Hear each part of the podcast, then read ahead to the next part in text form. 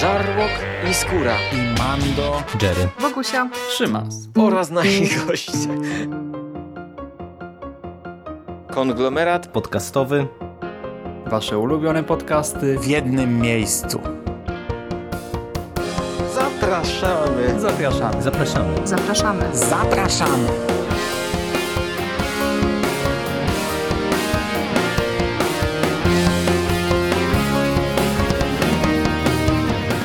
Witam w konglomeracie podcastowym, czyli na platformie, która zbiera wszystkie wasze ulubione podcasty w jednym miejscu. Po tej stronie mikrofonu Szymon Szymas-Cieśliński i dziś opowiem wam o demonach prosto z Meksyku. Zapraszam na recenzję, właśnie na pierwsze wrażenia z serialu Diablego. Diablego to nowy serial od Netflixa, będący adaptacją powieści Francisco Hagenbecka pod tytułem El Diable me obligo, czyli w takim dosłownym tłumaczeniu Diabeł mnie do tego zmusił, ale w polskiej dystrybucji Rebis e, wydawnictwo zdecydowało się nadać książce tytuł Diablero.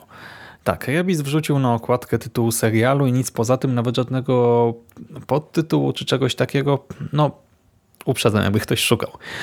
Książki nie czytałem, ale obejrzałem ze znajomymi pierwszy epizod serialu i ponownie plan był zupełnie inny, mieliśmy oglądać coś innego, e, ale tak e, Tomek, Isk i Szkariot troszkę dla żartu, dla beki stwierdził, że o Diablero, tak o demony, puszczamy.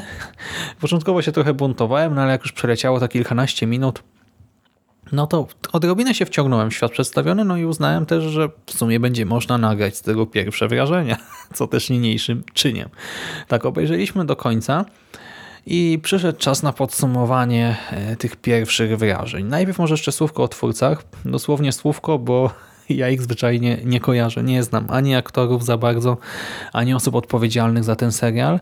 E, Kojarzę z nich tak naprawdę tylko jedną osobę, Pięć epizodów wyreżyserował Rigoberto Castaneda i to jest meksykański reżyser, którego w sumie fani horroru w Polsce mogą czy też powinni kojarzyć, bo odpowiada za wydany u nas przez Karizmę w 2006 roku film Kilometr 31 i tutaj też ciekawostka, znaczy z mojego punktu widzenia, bo do wczoraj o tym nie wiedziałem, ten film wydany u nas w serii Kinogroza albo Kinogroza Extra kilometr 31, 31 doczekał się sequela po 10 latach. Tak, ta produkcja dostała sequel z tytułem Kilometr 31 2. Tak po prostu. No ale nie o tym dzisiaj, więc wracamy do serialu. A w nim e, w trakcie seansu przenosimy się do Meksyku. I w Meksyku poznajemy księdza Ramiro Venturę. Księdza, który zalicza właśnie najgorszy dzień swojego życia. I to tak ewidentnie najgorszy Ksiądz dowiaduje się, że jego romans przed jakiegoś czasu zaowocował potomstwem. Mm, kochanka i matka dziecka została skatowana przez demona, a następnie w konsekwencji tego zmarła w szpitalu, zaś córka, dziecko zostało porwane przez oprawcę, przez tego właśnie demona. Idąc za radą pielęgniarki, ksiądz Ventura nawiązuje kontakt z niejakim Elvisem Infante, to jest tytułowym Diablero, a więc łowcą demonów z Meksyku. Początkowo ksiądz jest sceptyczny, ale zmienia nastawienie, gdy na własne oczy doświadcza działalności demonicznych sił i w końcu nawiązuje się jakaś tam relacja między naszymi bohaterami, a w finale tego epizodu do drużyny dołącza jeszcze kobieta, Nancy Gama, która też ma związek z demonami, z mrocznymi siłami i to dość specyficzny. Otóż Nancy regularnie pozwala się opętać, by następnie wykorzystywać siłę demonów. I teraz nasze trio ma jedno zadanie. Musi ustalić kto i dlaczego porwał dziecko księdza, a następnie ratować dziewczynkę.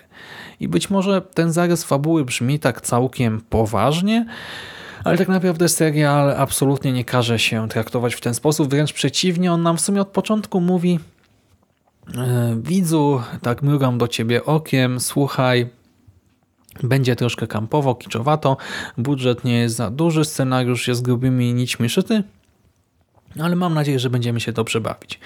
E, różne serwisy kategoryzują Diablego tak stricte jako horror, niektóre mówią, że to jest horror fantasy, ale warto zaznaczyć, że mamy też tutaj elementy komediowe i dość dużo takich absurdalnych wątków i w gruncie rzeczy przynajmniej na razie ten serial bardziej tym stoi niż jakąś grozą. W tym naszym serialowym Meksyku e, panoszą się demony, no ale możecie zapytać dlaczego? Otóż e, kiedyś na każdego anioła przypadał jeden demon, na każdego demona jeden anioł, a ta równowaga zapewniała pokój. Pokój, spokój na ziemi, ale teraz anioły wkurzyły się na ludzi i stwierdziły, że mają to wszystko gdzieś, opuszczają nas, a demony zaczęły wykorzystywać tę sytuację i panoszyć się po ziemi. Opętują, dręczą, mordują, pożerają i tak dalej, i tak. Przynajmniej do czasu, aż na drodze stanie im jakiś diablero i nabije je no właśnie nie na jakiś osinowy kołek, nie na krzyż, a w butelkę. Tutaj demony nabija się w butelkę, następnie wycenia u chińskiego eksperta i sprzedaje na czarnym rynku. Mamy mafię handlującą demonami i ta cała nie do końca poważna, no nie, no niepoważna po prostu, mieszanka kina gangsterskiego, fantasy i horroru może przywodzić na myśl troszkę od zmierzchu do świtu, jeżeli chodzi o klimat i nomen omen pierwsze wrażenia. Do tego na tym tle dostajemy trójkę też nietypowych, bo niezbyt bohaterskich e, bohaterów. Nasz ksiądz jest raczej niedorajdą, Nancy ma problemy chyba z głową i z agresją. Elvis urwał się z wysokiej choinki i prawdopodobnie spadając mocno uderzył się w głowę. I to oczywiście jest taka wybuchowa mieszanka. To ma potencjał na coś wystrzałowego, szalonego, ale ten potencjał nie zostaje wykorzystany. Nie dostajemy czegoś na miarę Asha kontra Martwe Zło, a moglibyśmy, myślę. I w gruncie rzeczy ten pierwszy epizod jest dość mocno nijaki. Jakby nie do końca wiedział, w którym kierunku chce nas pociągnąć. Między bohaterami nie ma prawie żadnej chemii. Elvis i Ventura są w dużej mierze wymoczkami, bez właściwości, przez co niekoniecznie chcemy im kibicować, bo to jest, wiecie, duet, który ma nas prowadzić przez ten Meksyk przez jakieś niebezpieczne przygody. I to nie chodzi o to, że on musi być sympatyczny, bo na przykład Ash y, ze wspomnianego y, Asha kontra Martwe Zło też nie był absolutnie sympatyczną postacią, ale miał charyzmę, miał coś, co go wyróżniało. Tutaj ksiądz Ventura nie ma praktycznie żadnych cech, tak, miał jakąś tam kochankę, nie wiedział o tym dziecku.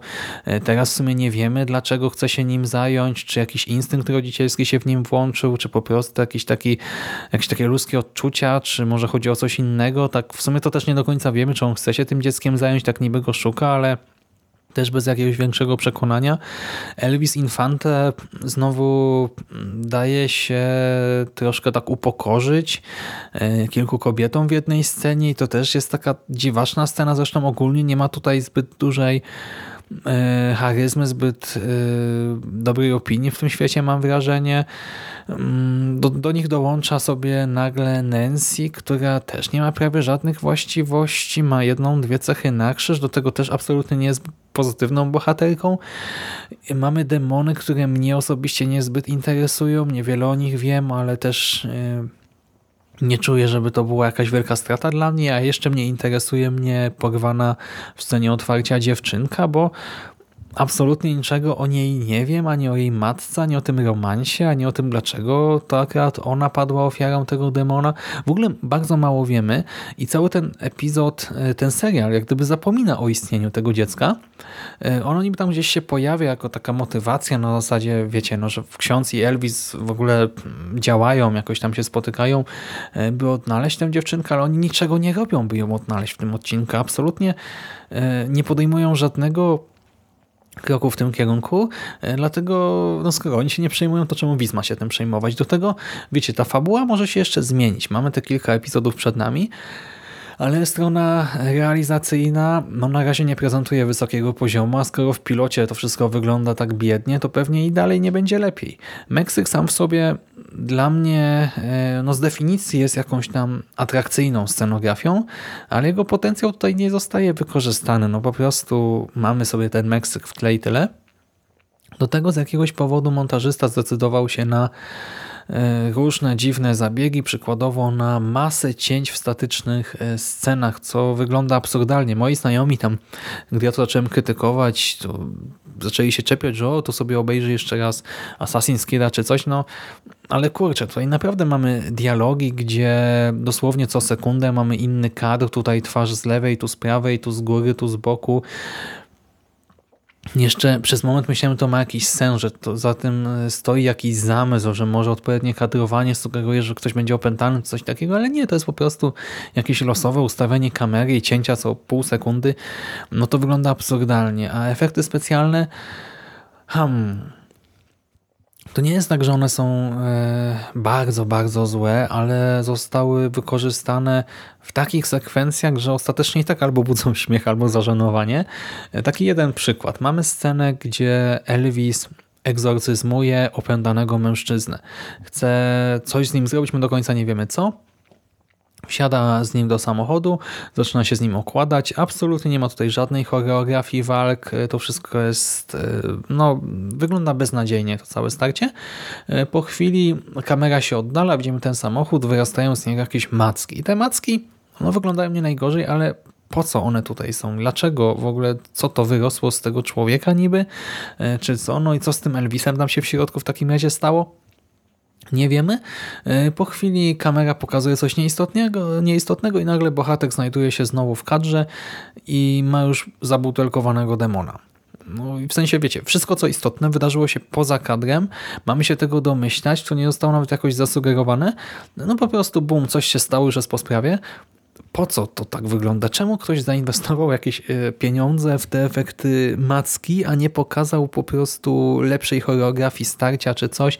I dlaczego ta akcja poza kadrem nie została jakoś, e, wiecie, wpisana w scenariusz, w sensie, że my nie widzimy tego, bo coś się wydarzyło, bo bohaterowie właśnie, nie wiem, gdzieś mm, wlecieli za coś, nie wiem, no cokolwiek, jakiś dym mogli tutaj puścić czy coś, a nie, że to się dzieje po prostu poza naszymi oczami. E, No absurd jakiś totalny. I jeszcze, skoro już tak krytykuję, to anglojęzyczna wersja ma problemy z lipsynkiem dźwięk się momentami rozjeżdża, a poza tym no to też e, traci ta wersja dubbingowana oczywiście sporo tej egzotyki. Bo jednak oglądać Meksyk, gdzie ludzie mówią po angielsku, no to nie jest najlepsza wersja. Tutaj, nie najlepsza opcja, przepraszam. No i tak narzekam, narzekam, jak słyszycie i powiem wam, że no rzeczywiście obejrzałem ten jeden epizod i jestem na nie póki co. E, To nie jest jakiś przeogromny zawód, ale to nie moje poczucie, poczucie humoru, nie moje klimaty, e, nie mój kamp, nie mój kicz, nie mój horror. Przy czym e, przejrzałem recenzje w sieci. No nie ma ich zbyt wiele. Ja trafiłem na cztery. Trzy anglojęzyczne, jedną niemieckojęzyczną. I trzy z nich, te anglo, e, dwie anglojęzyczne, jedna niemieckojęzyczna są w miarę pozytywne, dość pozytywne, a jedna jest taka umiarkowana, wiecie, 5-6 na 10. Tak, ni to polecam, ni to odradzam. No i ja też nie będę was jakoś totalnie zniechęcał, ale powiem wprost, że ani ja, ani moi znajomi nie zamierzamy kontynuować seansu. No ale może jednak was interesują tak losy dziwnego łowcy demonów z Meksyku. No to w takim wypadku wiecie, droga wolna. Odpalajcie Netflixa, bawcie się dobrze. Que te diviertas amigos. I tyle ode mnie na dzisiaj. Do następnego razu. Cześć.